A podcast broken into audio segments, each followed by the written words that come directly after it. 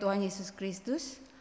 Puji syukur kita panjatkan kehadirat Tuhan yang Maha Kuasa karena begitu besar kasihnya kepada kita semua sehingga kita boleh berkumpul dan beribadah kembali di tempat ini. Pokok-pokok warta hari ini adalah sebagai berikut. Kebaktian umum live streaming minggu ini pagi hari ini akan dilayani oleh Saudara Christian Dewantara. Kebaktian remaja melalui Zoom akan diadakan pada hari ini Minggu tanggal 22 November 2020 waktu pukul 18 WIB dengan pembawa firman Penatua Edwin MB Tambunan dan Majelis Pendamping Penatua Benyamin G. Tangke. Mohon perhatian jemaat. Berita duka telah dipanggil Bapa di tentang Ibu Gustina Marpaung dalam usia 61 tahun. Alamat Jalan Raya Ciater nomor 5 RT 2 RW 3 Serpong Tangerang Selatan. Pada hari Selasa 17 November 2020 dan telah dimakamkan pada hari Jumat tanggal 20 November 2020 di Tapanuli Selatan, Sumatera Utara. Berita duka yang kedua, Pendeta Emeritus Purboyo W. Susila Radeya di dalam usia 65 tahun, Pendeta GKI Pondok Indah. Pada hari Kamis, tanggal 19 November 2020 dan telah dimakamkan pada hari Jumat, tanggal 20 November 2020 di TPU Tanah Kusir, Jakarta Selatan. Majelis Jemaat anggota dan simpatisan GKI Sarwa Indah Ciputat mengaturkan turut berduka cita kiranya keluarga yang ditinggalkan mendapatkan kekuatan penghiburan dari Tuhan Yesus Kristus. Berita selanjutnya, kelas katekisasi. Kelas katekisasi online akan diadakan pada hari Rabu tanggal 25 November 2020 waktu pukul 18 sampai dengan 19.30 materi pokok yaitu Roh Kudus part 1 dengan pembawa pembicara pendeta Thomas Kartomo dan saudari Christian Dewantara. Majelis pendamping penatua Tommy Indra Kesuma. Mohon perhatian peserta kelas katekisasi. Komisi Peribadatan dan Persekutuan PA Kamis online minggu ini akan diadakan pada hari Kamis tanggal 26 November 2020 pukul 19.30 dengan tema Kekayaan Pengharapan dalam Panggilannya. Bacaan dari Efesus 1 ayat 15 sampai dengan 23. Pembicara Penatua Sahala Rumban Raja, Majelis Pendamping Penatua Tommy Indra Kesuma, dengan MC Ibu Kristiana Eni M. Mohon perhatian dan partisipasi jemaat. Penuguhan penatua Saudara Kristian Dewantara akan diadakan hari Minggu tanggal 29 November 2020 pukul 8 dan dilayani oleh Pendeta Thomas, Dr. Thomas Kartomo MTH. Mohon perhatian dan dukungan doa jemaat. Persidangan Majelis Jemaat PMJ online akan diadakan pada hari Minggu tanggal 22 November 2020 waktu pukul 11 sampai dengan selesai. Mohon perhatian jemaat. Persidangan Majelis Jemaat diperluas PMJD 2019 online merupakan sarana Majelis Jemaat dan Badan Pelayanan Jemaat untuk menyampaikan hasil kerja mereka dan mendapatkan masukan dari anggota bagi peningkatan pelayanan jemaat. Mempertimbangkan kondisi dan situasi pandemi, maka PMJD 2019 akan diadakan secara online melalui aplikasi Zoom pada hari Minggu tanggal 29 November 2020 waktu pukul 10.30 WIB. Laporan akan disajikan dalam buku kehidupan jemaat 2019 yang akan diberikan dalam bentuk soft copy dan dapat diunduh melalui Google Drive. Link Google Drive akan diberikan melalui WA Pusat Informasi. Oleh karena pentingnya persidangan ini untuk perkembangan jemaat di GKI Sarua Indah, maka kami mohon kehadiran komisi-komisi BPHMJ, panitia pembangunan, dan seluruh jemaat. Bagi Bapak Ibu Saudara yang akan menghadiri PMJ 2019, dipersilakan untuk mendaftarkan diri melalui link di pusat info. Demikian pokok-pokok warta untuk hari ini. Untuk lengkapnya jemaat dapat membaca di warta jemaat dalam bentuk file PDF. Segenap majelis mengucapkan selamat beribadah, Tuhan memberkati.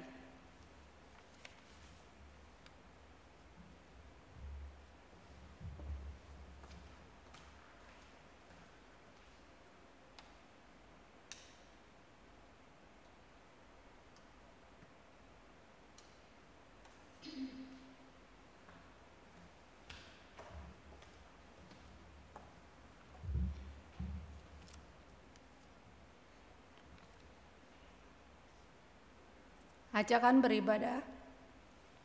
Hari ini kita merayakan Minggu Kristus Raja. Mari dengan segenap hati dan jiwa kita memuji Dia, Tuhan dan Raja kita yang maha mulia. Saya undang jemaat untuk bangkit berdiri. Kita akan menyanyikan KJ 10 bait 1 dan 5 Pujilah Tuhan Sang Raja.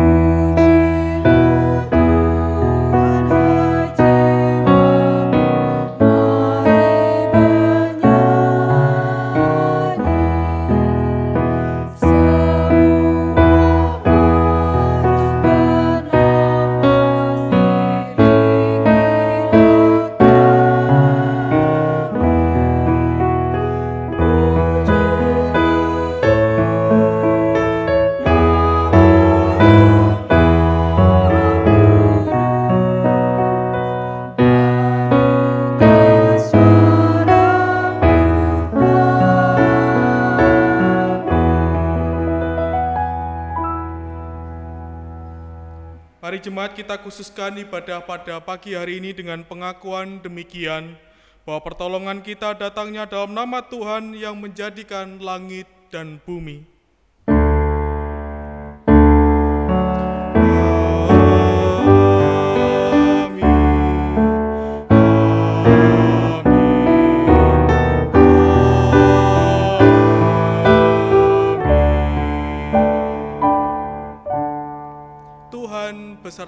Saudara. Kini dan selamanya. Silakan duduk. Bunda Teresa mengatakan begini, Aku tidak yakin seperti apa sorga itu. Yang aku tahu adalah jika kita meninggal dan Tuhan menghakimi kita, dia tidak akan bertanya berapa banyak kebaikan yang telah kau lakukan dalam hidupmu, melainkan ia akan bertanya, "Berapa besar kasih yang kau berikan dalam kebaikan yang kau lakukan?" Yesus Kristus adalah Raja dan Gembala kita. Sebagai Raja yang baik, Dia menghakimi dengan adil. Sebagaimana Gembala yang baik, Dia menuntun, memelihara, mengenal, dan peduli kepada domba-dombanya. Dan oleh karenanya, Ia menghakimi kita untuk berlaku adil dan peduli kepada sesama kita meneladani Kristus yang mengulurkan tangan kepada mereka yang kecil, lemah, dan terhina. Sudahkah kita mengulurkan tangan kepada sesama kita seperti yang Tuhan inginkan kita perbuat? Terlebih lagi apabila kita melakukannya karena kasih dan bukan untuk kepentingan pribadi.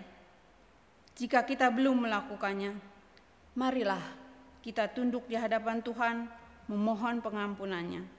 Saya undang jemaat untuk berdoa pribadi terlebih dahulu, setelah itu saya akan menutupnya.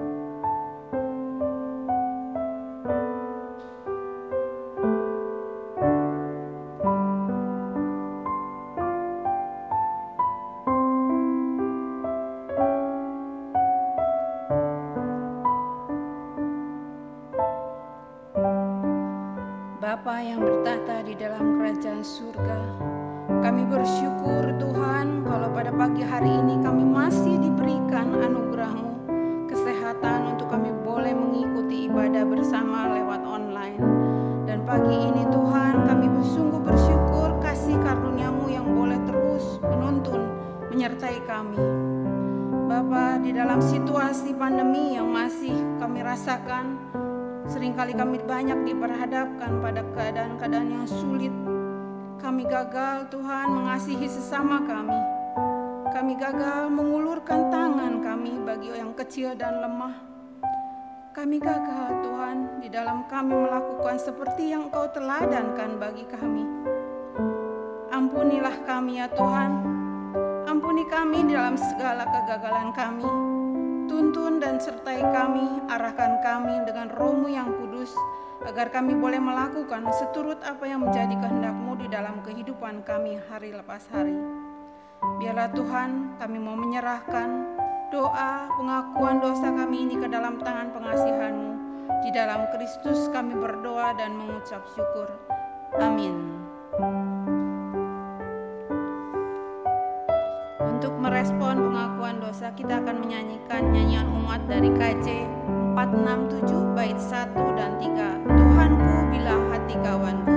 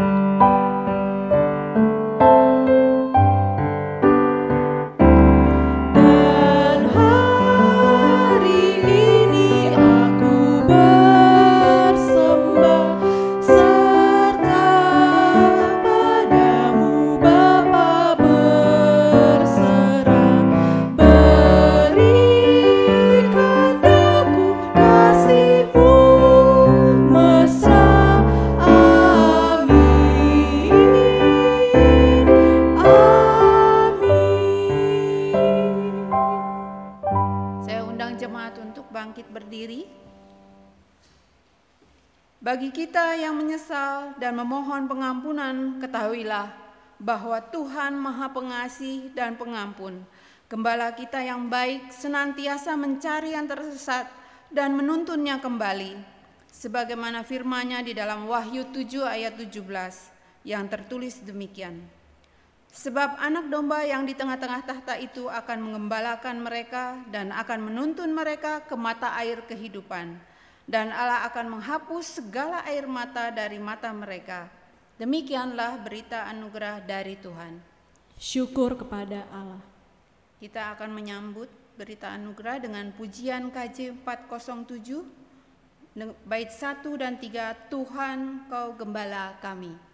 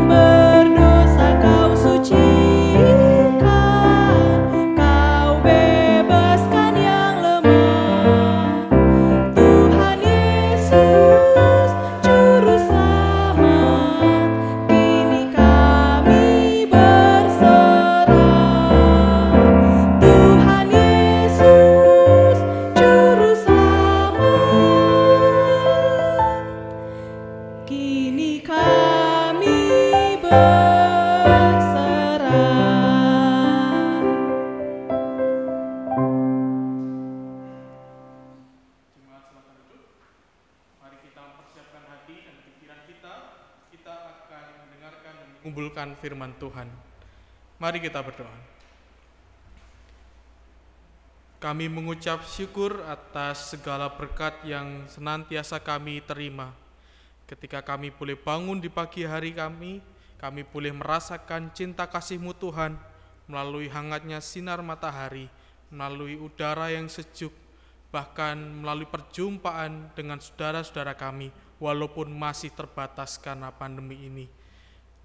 Kami mengucap syukur Tuhan atas segala hal yang boleh kami nikmati pada pagi hari ini, terutama ketika kami boleh mendengarkan firman-Mu. Dan kiranya juga Tuhan membimbing dan menolong kami ketika kami akan mendengarkan firman-Mu dan menggumulkannya, dan terlebih ketika kami nanti akan melakukannya dalam kehidupan kami hari lepas hari. Inilah permohonan kami Tuhan. Kiranya Tuhan menolong kami. Demi Kristus Yesus kami berdoa. Amin. Pembacaan Injil Yesus Kristus diambil dari Matius pasal 25 ayat 31 sampai 46. Matius pasal 25 ayat 31 sampai 46. Demikianlah firman Tuhan. Apabila anak manusia datang dalam kemuliaannya dan semua malaikat bersama-sama dengan dia, maka ia akan bersemayam di atas tahta kemuliaannya. Lalu semua bangsa akan dikumpulkan di hadapannya dan ia akan memisahkan mereka seorang daripada seorang, sama seperti gembala memisahkan domba dari kambing. Dan ia akan menempatkan domba-domba di sebelah kanannya dan kambing-kambing di sebelah kirinya.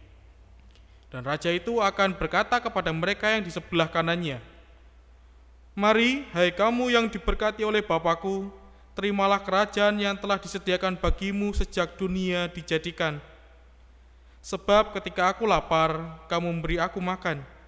Ketika aku haus, kamu memberi aku minum. Ketika aku seorang asing, kamu memberi aku tumpangan.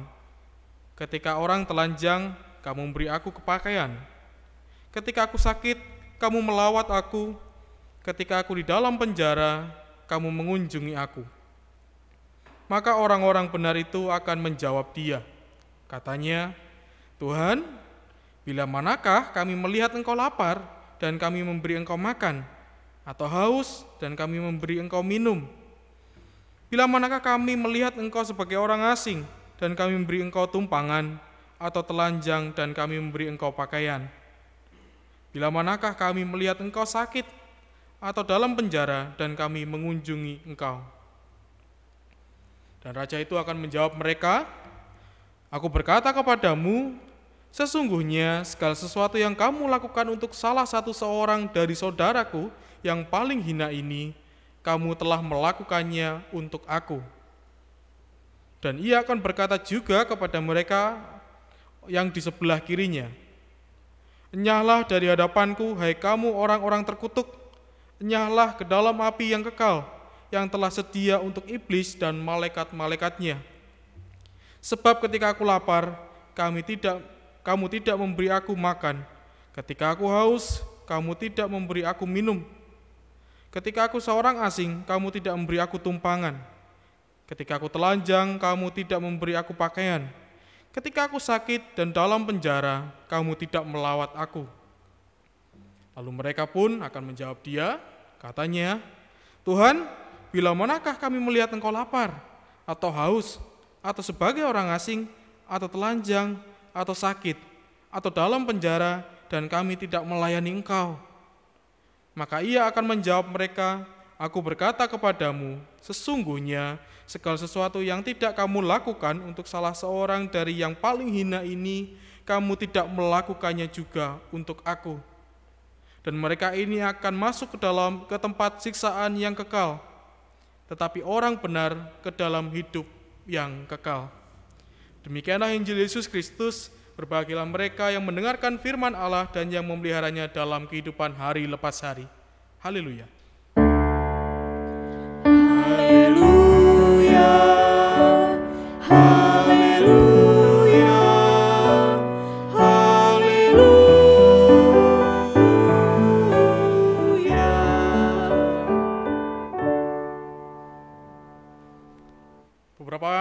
Waktu yang lalu kita ditunjukkan dengan sebuah fenomena Bapak Ibu Saudara tentang kehadiran seseorang yang katanya pemimpin dari satu kelompok dan banyak sekali pengikutnya yang menyambut dia gitu. Bahkan membuat beberapa hal terganggu dan juga membuat orang-orang yang bukan dari pengikutnya ini merasa marah karena kepentingan mereka terhambat karena kehadiran seorang ini. Kita menjadi paham bahwa memang kehadiran seorang tokoh atau pemimpin itu selalu dielu-elukan di mana pun berada. Ketika seseorang menjadi figur dan seseorang menjadi panutan, biasanya para pengikutnya ini akan ngikut seperti gambaran tawon kepada betina atau induknya begitu ya. Kalau si induknya tawon ini ditaruh di mana ya pekerja-pekerjanya akan ikut ke sana. Kalau ditaruh di sana dia akan geser ke sana. Seperti itu. Nah sering kali ada celotehan begini. Bergereja tuh kadang seperti tawon. Maksudnya apa? Ketika seorang pelayan firmannya sudah diada di mimbar, baru jemaatnya datang. Ya itu hanya guyonan saja Bapak Ibu Saudara ya. Ya sering kali kita melihat bahwa pemimpin itu menjadi sebuah daya tarik yang luar biasa. Dan biasanya mendapat pelayanan khusus. Biasanya seorang pemimpin ketika datang ke satu daerah, segalanya akan dipersiapkan luar biasa. Bahkan kepentingan orang banyak bisa dinomor duakan karena orang-orang banyak berupaya untuk memberikan yang terbaik. Nah persoalannya, ternyata kehadiran Tuhan itu berbeda. Kehadiran Tuhan itu berbeda sama sekali dengan gambaran-gambaran pemimpin yang kita lihat tempo hari. Bahkan tidak ada secuilnya mungkin perbandingannya. Kehadiran Tuhan hadir dalam kemuliaannya, bahkan duduk di atas kemuliaannya, dan dia melakukan sesuatu yang tampaknya tidak pernah dilakukan oleh para pemimpin yang lain, yaitu menghakimi, memberikan penghakiman, yaitu memberikan sebuah keputusan-keputusan yang memisahkan antara si jahat dengan si baik. Nah, dalam bacaan kita hari ini Tuhan menggambarkan nantinya ketika Tuhan hadir dalam dunia untuk kedua kalinya, Dia menggambarkan dengan pembagian antara domba dan kambing. Nah, domba dan kambing ini begini seperti gambarannya Bapak Ibu Saudara ya. Kalau domba ini yang putih bersih, dia digambarkan sebagai hewan yang jinak. Hewan yang nurut dengan gembalanya. Jadi kalau dipanggil, dia bisa datang. Kalau dipanggil, dia bisa langsung menghampiri gembalanya walaupun di jarak yang cukup jauh. Nah, sedangkan kambing ini dalam dalam tradisi orang Israel itu disebut hewan yang punya bulu lebih hitam. Biasanya lebih kotor begitu ya dan cenderung liar. Liarnya maksudnya apa? Ketika dipanggil oleh tuannya dia tidak mendengar dan dia tidak tahu mana tuan mana lawan gitu. Jadi si kambing dan domba ini punya perangai yang berbeda sekali. Yang satu sangat penurut, yang satu lagi pembangkang, bahkan tidak ngerti, tidak ngerti. Ini siapa ini? Gembala itu siapa dia nggak ngerti. Nah, maksudnya adalah ketika domba dan kambing ini dipakai untuk menunjukkan tentang penghakiman terakhir nanti, yaitu bagaimana kita terus hidup berdampingan dengan kambing dan domba. Kita bisa menjadi domba karena kita sudah diselamatkan oleh Tuhan, tetapi juga bisa kemungkinan kita akan menjadi kambing kalau kehidupan kita tidak mencerminkan sama sekali kehendak Allah. Kita nantinya sampai seumur hidup kita akan hidup berdampingan, tapi tidak boleh bercampur. Ini yang penting.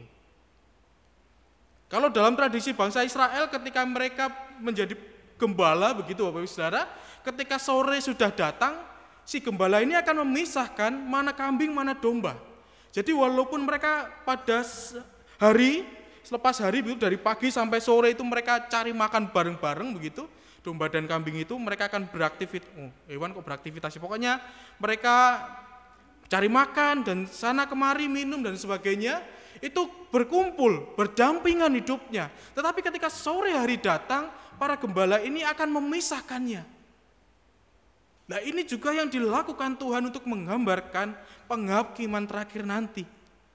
Jadi gambaran pada manusia yang harusnya memiliki standar Allah tidak boleh hidup sama campur dengan orang yang tidak punya standar Allah dalam kehidupannya. Itu berarti kita seharusnya berjaga-jaga tetapi tidak boleh eksklusif. Nah ini yang berat. Seringkali ketika kita menjaga diri, menjaga agar kehidupan kita penuh dengan kekudusan, tapi kita menjadi ekstrim yang eksklusif.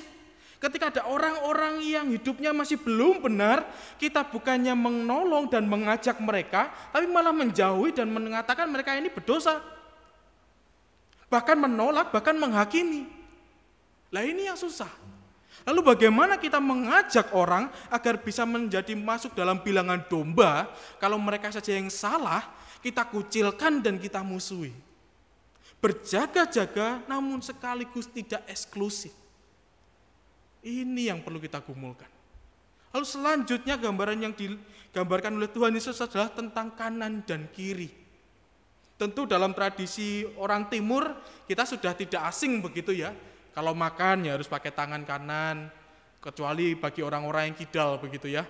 Tapi secara umum bahwa tangan kanan ini dilakukan untuk pekerjaan-pekerjaan yang baik. Itu pun juga tertulis dalam keluaran misalnya, keluaran 15 ayat 6 itu, tangan kanan itu untuk digambarkan tentang kekuatan Tuhan. Jadi menggambarkan penulis Alkitab dalam keluaran ini, Musa ini menuliskan bahwa kekuasaan Allah itu digambarkan sebagai tangan kanan. Lalu dalam pengkhotbah 10 ayat 2 itu ingin menunjukkan begini, kalau orang berhikmat itu jalannya ke kanan, kalau orang bodoh itu jalannya ke kiri. Nah, dalam Yunus 4 ayat 11 dikatakan orang Niniwe ini tidak bisa membedakan mana tangan kiri mana tangan kanan. Dikatakan orang Niniwe ini ya serampangan begitu tuh hidupnya. Dia tidak bisa membedakan mana yang baik, mana yang buruk dalam hidupnya. Ya sudah kalau orang bilang kurdi, syukur jadi begitu. Lalu Matius memberi tanpa diketahui. Ketika tangan kita memberi, tangan kirinya jangan mengetahuinya. Nah, dua hal ini yang dipakai oleh Allah untuk menunjukkan tentang penghakiman terakhir bahwa seseorang yang hidup dalam Tuhan harus punya standar yang jelas. Harus punya standar yang benar menurut dengan kehendak Allah. Lalu selanjutnya adalah tentang memberikan perhatian orang lain. Bagaimana kita menggumulkan diri agar bisa masuk dalam bilangan orang ada di kanan. Dalam bacaan kita sudah dijelaskan yaitu bagaimana Tuhan mengatakan kalau aku lapar engkau memberi aku makan, kalau haus memberikan minum, menjadi seorang asing, memberi tumpangan begitu ya dan sebagainya. Lah ini yang susah. Yang semakin hari orang semakin abai dengan hal ini. Nah contohnya saja begini Bapak Ibu Saudara. Kalau kita nyasar di tempat satu baru gitu ya, mungkin Bapak Ibu Saudara ada dalam pekerjaannya yang harus membutuhkan mobile gitu, pagi di mana, sore di mana, siang di mana begitu. Nah suatu ketika misal nyasar, orang sekarang kok rasa-rasanya begitu, memberi tumpangan itu jarang. Yang ada apa? Malah dijelomprongke kalau kata orang Jawa. Malah di membuat semakin tersesat bahkan kalau perlu dirampok mungkin gitu. Kehidupan sekarang itu jauh dari kata memberikan perhatian kepada orang lain. Ada orang lapar ya masa bodoh amat gitu ya. Ya saya juga butuh makan. Ada orang kehausan, ya sudah bodoh amat. Bahkan ketika ada saudara-saudara yang dalam pergumulan, ya sudah juga bodoh amat. Ini yang Tuhan kehendaki agar kita masuk dalam standar orang-orang yang akan ditaruh di sebelah kanan Allah, bukan sebelah kiri. Simple, sederhana. Melakukan sesuatu hal dengan memperhatikan sesama, tetapi juga ini menunjukkan bahwa memperhatikan itu bukan selalu hal yang mewah. Tetapi dengan ketulusan. Ukurannya bukan hal yang penting Bapak Ibu Saudara. Tetapi bagaimana ketika kita memperhatikan sesama itu dengan tulus, dengan sukacita tanpa pamrih. Itu berarti kita tidak boleh abai terhadap orang lain, tapi juga jangan kepo. Nah ini repot. Orang sekarang itu benar sih tidak abai, benar sih memang tidak abai dan mungkin kalau dekat gitu tidak akan abai sama sekali, tapi kepo jatuhnya. Ini yang repot Bapak Ibu Saudara. Kita benar tidak abai memperhatikan sesama, tetapi di sisi lain kita kepo. Apa batasnya kepo atau tidak? Ya seharusnya kalau kita memberikan pertolongan, memberikan perhatian, ya hanya fokus pada kebutuhan orang itu. Kalau misal orang itu tidak bisa makan, ya sudah beri makan. Jangan tanya lanjutan, emang suamimu nggak ngasih duit? Nggak perlu, Emang pekerjaanmu di gini? Enggak perlu. Ini yang susah. Kita memberi perhatian tapi sekaligus kepo. Kalau keponya untuk kebaikan, misal mengetahui, oh dia di PHK, karena pandemi ini banyak sekali Bapak Ibu Saudara jemaat yang di PHK, mungkin kita perlu menggumulkan, ayo kita coba usaha bekerja bareng, sih oke. Okay. Tapi kalau kepo, lalu menjadi bahan julid, ya susah. Lalu bagaimana kita bisa masuk dalam kelompok yang ada di kanan ini? Tidak akan bisa. Itu sama aja kita abai. Karena yang paling penting ketika memberikan perhatian kepada orang lain, bukan diri kita yang dipenuhi, bukan kebutuhan diri kita yang dipenuhi, tetapi kebutuhan orang lain. Ini yang paling penting, tentang memberi, bukan menerima bukan menguasai namun mencintai. Ketika kita jatuh pada tindakan kepo, saya yakin betul kita bukan lagi mencintai orang itu, tetapi menguasai. Lalu, ini akan menjadi sesuatu yang sangat bias. Mungkin kita memberi, mungkin kita menolong, tetapi bukan berlandaskan pada kasih Tuhan bisa jadi bukan lagi berdasar kepada perintah Tuhan, tetapi karena kebutuhan nafsu kita. Kalau kita memberi dengan ketulusan, itu akan berbeda.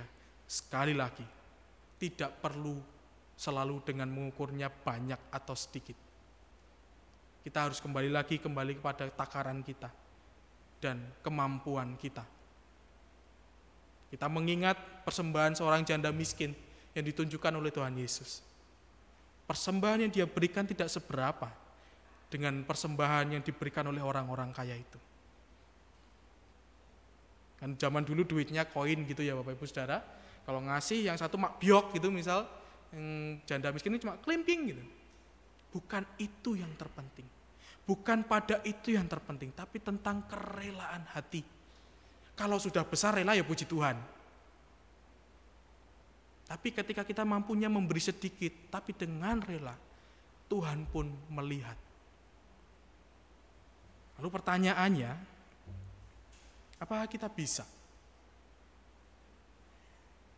Kok rasa-rasanya hal sederhana ini semakin sulit gitu. Saya ingat satu teman saya di Jawa Timur dulu dia salah satu teman main band saya begitu Saudara. Nah, dia ini punya sapi sama kambing di rumah. Nah, saya melihat anak ini ini teman saya ini dia tidak akan mau diganggu sebelum makanan sapi sama kambingnya tercukupi. Bahkan ketika kami latihan band, hujan deras, dia akan kepikiran, duh sapiku kehujanan gak ya? Duh kambingku tadi makanannya cukup gak ya? Bahkan kami ajak untuk jalan begitu ya, dia akan bilang sebentar ya, saya akan cari makan untuk kambing dan sapi saya untuk berapa hari. Jadi benar-benar apa ya, eh, hatinya itu dicurahkan sedemikian rupa untuk peliharaannya. Mungkin kita yang tidak punya peliharaan itu melihat itu aneh gitu ya. Tapi coba Bapak Ibu merenungkan gitu, ketika mungkin punya peliharaan di rumah gitu. Bisa dogi, bisa burung misal.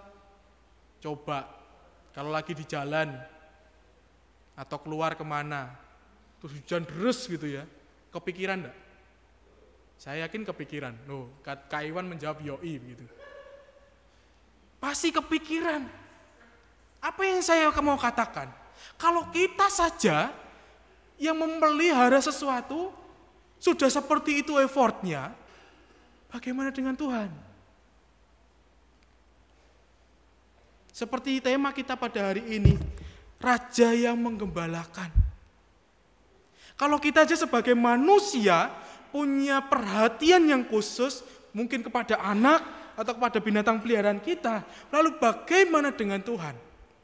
Sang Gembala Agung. Tentu lebih-lebih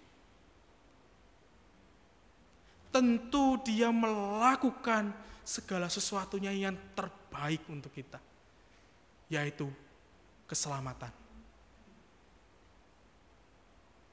Yaitu kita boleh hidup kekal bersama dengan dia.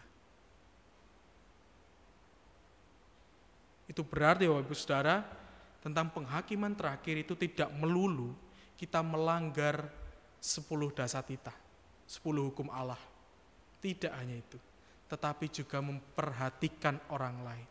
Seperti Tuhan telah menggembalakan kita, memberikan kita kehidupan yang baik, membawa kepada kita kehidupan yang nyaman, seperti dalam Mazmur 23, membawa kita kepada padang rumput yang hijau dan kepada sumber air yang tenang.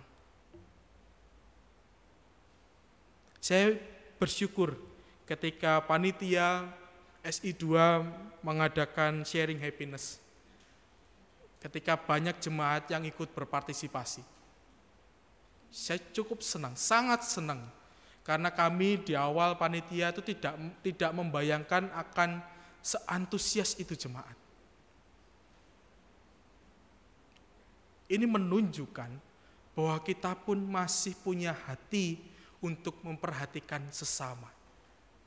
Ini menunjukkan kita mampu peduli kepada orang lain. Sekali lagi, takarannya bukan pada banyak atau sedikit, tetapi tentang ketulusan hati. Minggu ini kita merayakan liturgi Kristus Raja, yaitu rangkaian liturgi terakhir dalam tahun liturgi Bapak Ibu Saudara. Dan minggu depan kita akan masuk dalam tahun liturgi baru ketika kita akan memasuki masa Advent pertama. Mari kita merefleksikan, apa yang sudah Tuhan buat untuk diri kita. Bagaimana pertolongan Tuhan sungguh nyata. Dia sebagai gembala yang agung, yang memisahkan kita daripada si jahat. Sudah sepatutnya kita pun juga menjaga diri dan hidup seperti domba-domba Allah. Tuhan berkati. Saat hening untuk kita. Kami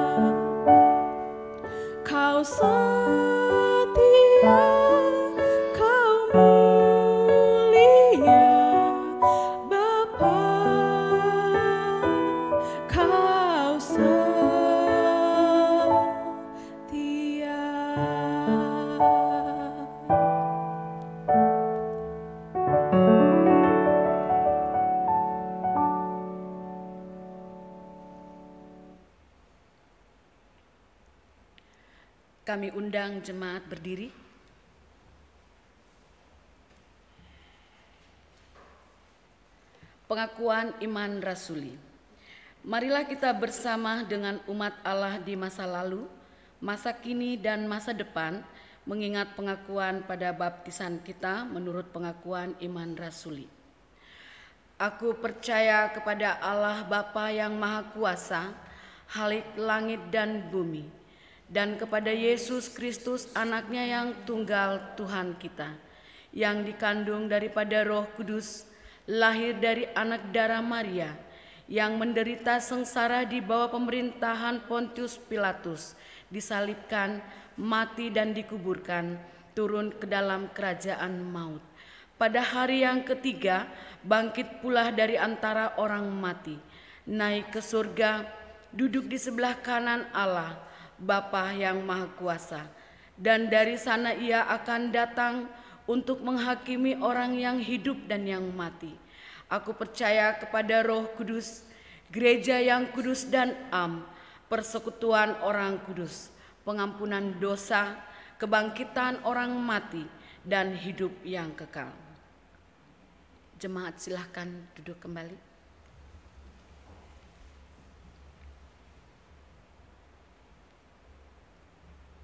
Mari kita berdoa. Terima kasih Tuhan, kami diberi gedung sekretariat yang indah, di mana saat ini kami pakai untuk beribadah. Semua itu karena kebaikan Tuhan kepada kami jemaat GKI Sarua Indah. Kami juga bersyukur untuk sekolah Nusa Indah yang selama ini kami pakai untuk kegiatan-kegiatan kami. Kami juga bersyukur dengan lahan yang ada di Dusun Tiga.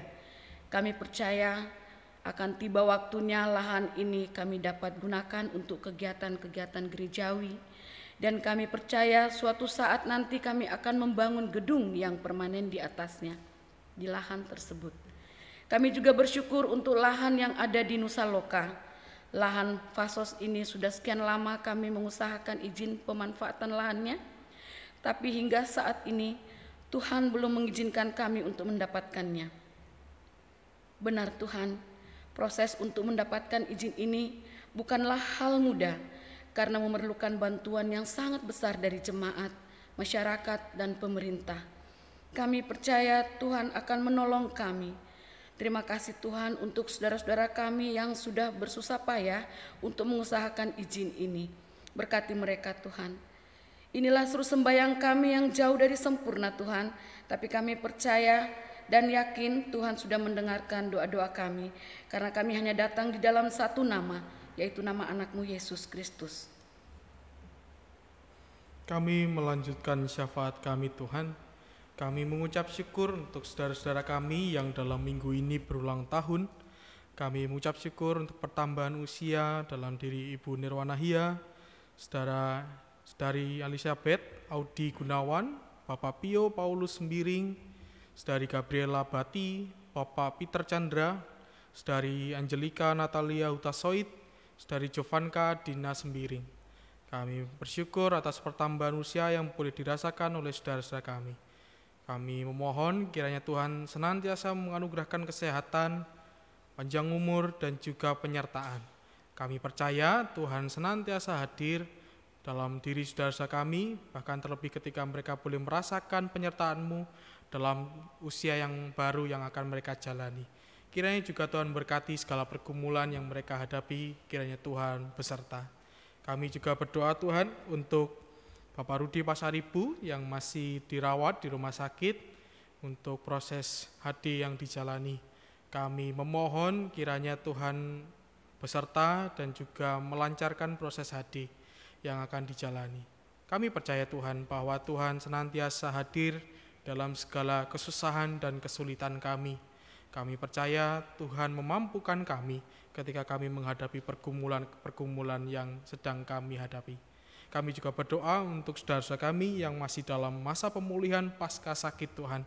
Kami berdoa untuk Ibu Mami Palon, Ibu Sarah Jaya Sumadi, Ibu Hana Panjaitan, Ibu Yulia Kristanti, Ibu Virginia Samata Sapang, Bapak Christian Tagalung, Ibu Nika Elizabeth Buki, Ibu Maria Magdalena, Bapak Wahyu Dayat, Ibu Yohana Triani, Bapak Elisa Hia, Pendeta Thomas Kartomo, Ibu Eslan Siagian, dan Ibu Leni Utapea yang sedang dalam masa persiapan untuk operasi mata. Kami percaya Tuhan juga senantiasa menguatkan saudara-saudara kami ini, baik dalam masa pemulihan maupun dalam persiapan-persiapan untuk tindakan medis yang dikerjakan. Kami pun juga percaya Tuhan mencukupkan segala kebutuhan yang timbul dari sakit yang dialami oleh saudara-saudara kami ini. Tuhan mencukupkan obat-obatan, dokter maupun biaya-biaya yang muncul karena perawatan ini. Kami juga berdoa Tuhan untuk saudara kasih kami, keluarga Bapak Pasaribu, sahabat Pasaribu yang berduka karena istri kekasih telah engkau panggil pulang.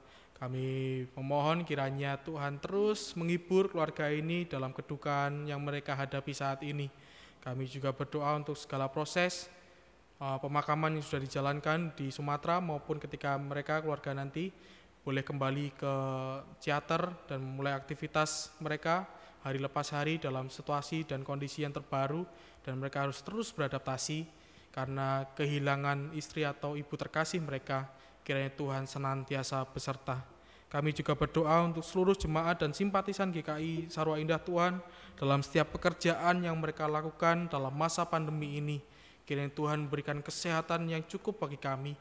Kiranya juga Tuhan memberikan berkat rezeki agar kami boleh menjalani hidup kami hari lepas hari dengan penyertaan dan juga kami boleh merasakan bahwa pertolonganmu senantiasa ada Tuhan dalam kehidupan kami. Kami juga berdoa untuk dalam Masa pandemi ini kami mengalami banyak kesulitan, terkhusus kami tidak boleh berjumpa dengan saudara kasih kami karena kami harus menjaga kesehatan kami masing-masing.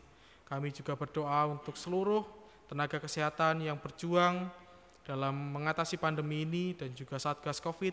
Kiranya Tuhan menolong mereka, memampukan mereka untuk mengerjakan segala tanggung jawab yang mereka laksanakan. Kayak juga Tuhan berkati kesehatan mereka dan juga memberikan penyertaan. Kami pun juga berdoa Tuhan untuk pilkada di Tangsel yang akan diadakan bulan depan tanggal 9 Desember. Kami percaya Tuhan akan mengirimkan pemimpin yang terbaik bagi kami. Terkhusus untuk Tangerang Selatan, kami juga percaya bahwa Tuhan menjaga proses pilkada ini agar tetap aman dan menjauhkan dari segala konflik atau kerusuhan. Kami menyadari bahwa pilkada ini di tempat kami di Tangsel dikatakan adalah rawan nomor tiga di Indonesia kami menyadari bahwa kerawanan ini hadir dalam banyak faktor.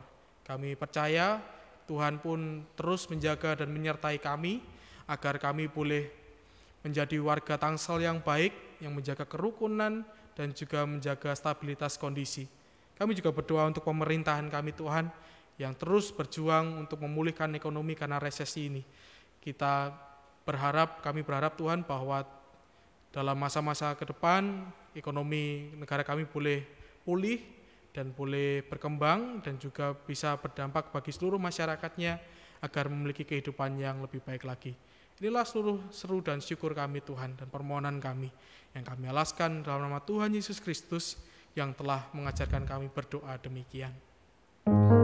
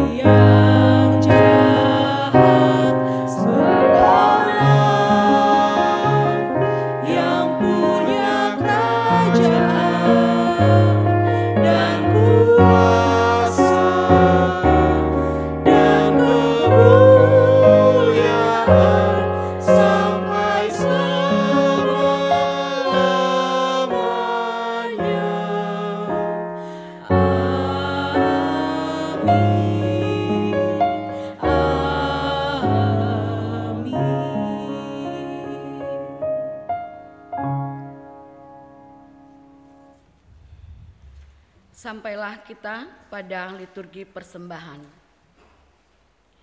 Saudara-saudara, mari kita sampaikan persembahan syukur kita supaya seraya mengingat firman-Nya dalam Mazmur 30 ayatnya yang kelima.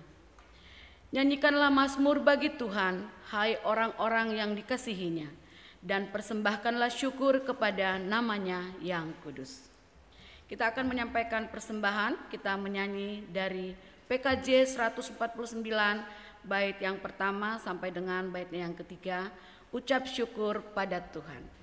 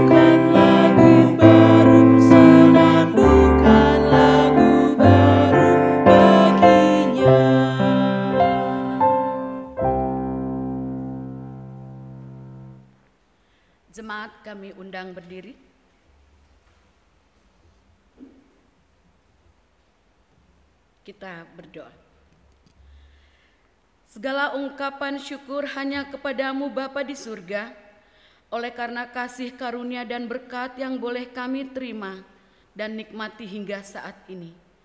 Kami tahu dan percaya semua berkat yang kami peroleh itu karena kemurahan Tuhan dalam kehidupan kami.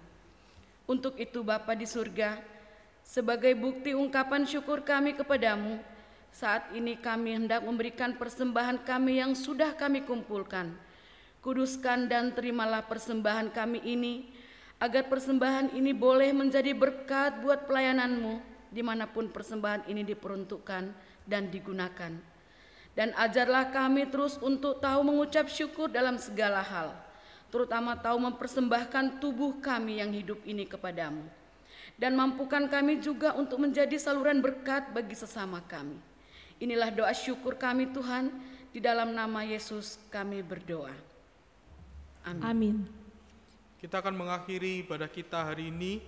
Kita bersyukur bahwa kita sudah masuki tahun liturgi A terakhir dan minggu depan kita akan masuk dalam tahun liturgi B dan itu berarti kita akan mulai liturgi kita dari awal.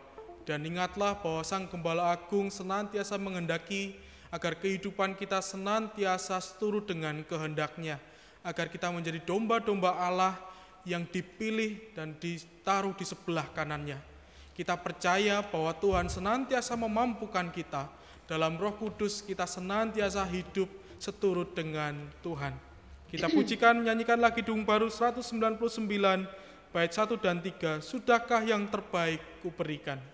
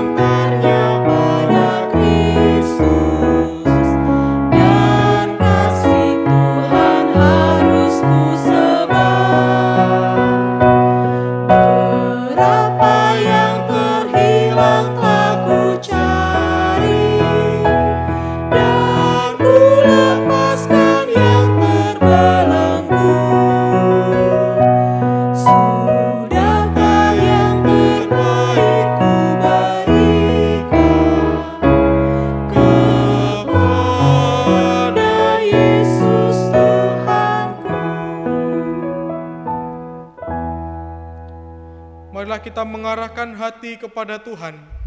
Kami mengarahkan hati kepada Tuhan. Jadilah saksi Kristus, Syukur kepada Allah terpujilah Tuhan. kini dan selamanya. Marilah kita menerima berkat dari Tuhan.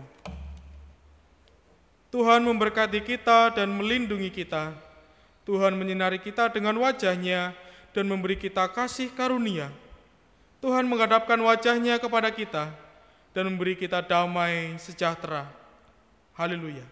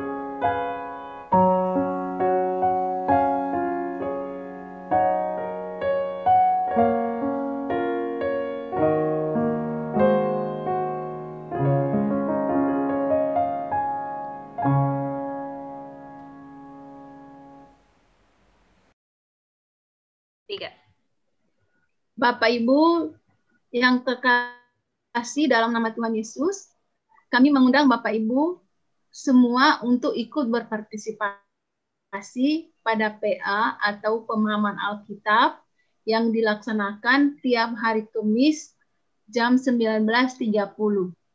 Selamat hari Minggu, Tuhan Yesus memberkati. Selamat hari Selamat hari Minggu. Selamat hari Minggu. Memberkati. Tuhan memberkati.